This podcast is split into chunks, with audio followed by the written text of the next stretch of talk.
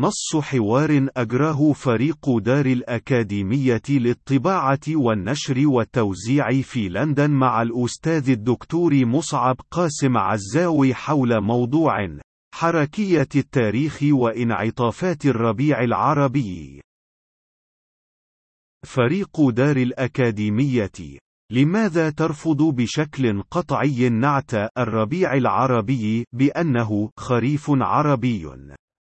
مصعب قاسم عزاوي. أعتقد بأنه من قصر النظر التاريخي و ضآلة النفس النضالي إذا صح التعبير الإستسلام والتسليم نقوصيا بفشل الإرادة الجمعية العربية في الانعتاق من الاستبداد والنهب والإفقار ومفاعيل الفاسد والإفساد والنظم الأمنية والحكم بالإخفاق التاريخي للحراك الشعبي متمثلا بكبوات الربيع العربي. العربي وانكساراته المفجعة على امتداد خارطة العالم العربي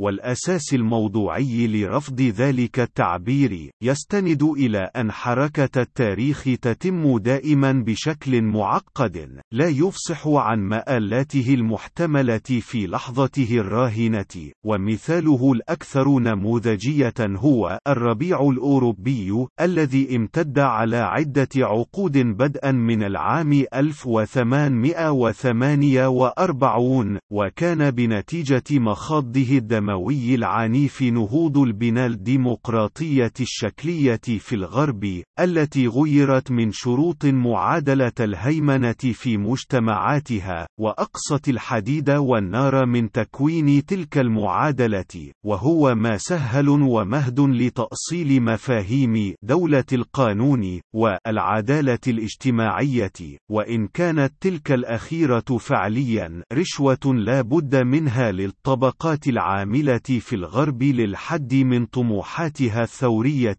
ومن ثم تأسيس هياكل ونظم دولة الرفاه كأحد المنتجات الملموسة لذلك المفهوم،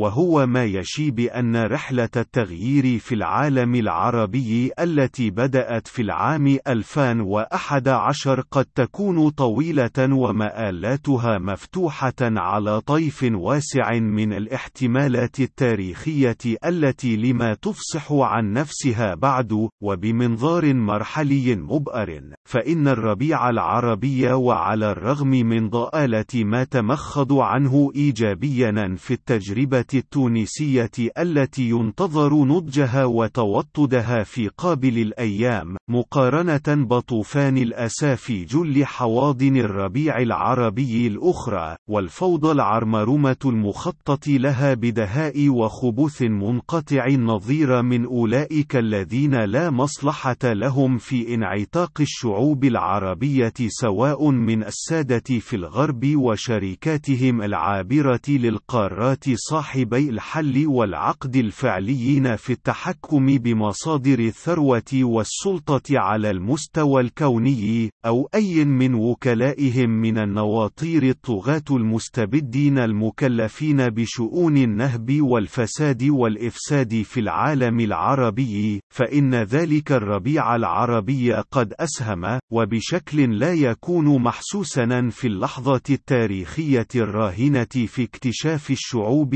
لقوتها الكامنة حينما تنتفض، وبأن عروش طغاتها ليست مانعة في وجه طوفان إرادة المقهورين. وهو اكتشاف منقطع النظير في أهميته المعنوية والمعرفية في خضم حالة الاستلاب والإحباط الجمعي والإحساس المقيم بالعجز والعقم الاجتماعي الذين مثلوا باجتماعهم المنظار الجمعي الذي نظر من خلاله كل الأجيال العربية إلى واقعهم المأساوي في كنف الاستبداد منذ إفشال مشروع الثورة العربية العربية الكبرى وما تلاه من نكبات ونكسات في غير موضع عربي، والحق يقال أن مخاض الربيع العربي لا بد له أن يكون عسيرا وشاقا إلى درجة قد تكون ملحمية، نظرا لاشتباك عراه مع لعنتي الجغرافيا والنفط اللتين مثلتا أس مأساة العالم العربي الحديث والمعاصر، فالنفط مثل المحرك الأساسي للثورة الصناعية، والمفتاح الذي يمثل الإمساك به إمساكًا بتلابيب العالم المتقدم الصناعي بكليته، وهو ما لم تخف أي إدارة غريبة وخاصة أمريكية إصرارها على الاحتفاظ بذلك المفتاح بشكل حصري، ممثلا بالسؤال السرمدي الذي طرحه كل الساسة الأمريكان سواء بفظاظة أو غيرها عن سبب وجود النفط الأمريكي في أرض العرب، واللعنة الثانية هي لعنة الجغرافيا التي اقتضت أن يكون العالم العربي همزة الوصل، كما كان عبر تاريخ الحضارة البشرية منذ الألف الثالث قبل الميلاد بين الشرق والغرب، وهو ما وطده إيجاد قناة السويس، وما تعنيه من أهمية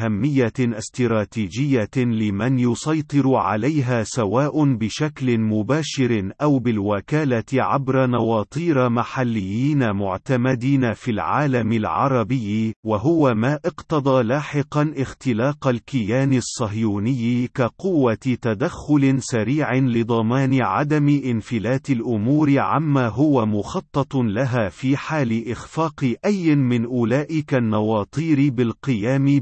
بواجبه على أكمل وجه، واللعنتان تعنيان بأن الأجيال العربية القادمة يترتب عليها جهد تاريخي مهول في مواجهة الاستبداد ومن يقف وراءه متراسا منيعا، خوفا من إبطال شر تلك اللعنتين ومن يستفيد من مفاعيلها الجهنمية، وأغلب الظن أن الربيع العربي سوف يعيد الإفصاح عن نفسه بانتفاضات عربية في غير موضع عربي وعلى أمد زمني طويل إلى حين تكامل تلك الانتفاضات بنسق كلي جامع يمتلك من القوة والعنفوان التاريخي ما يمكنه من تهشيم ثالوث الاستبداد ولعنتي النفط والجغرافيا، وفي انتظار تكامل استنهاض الربيع العربي من كمونه الراهن، لا بد من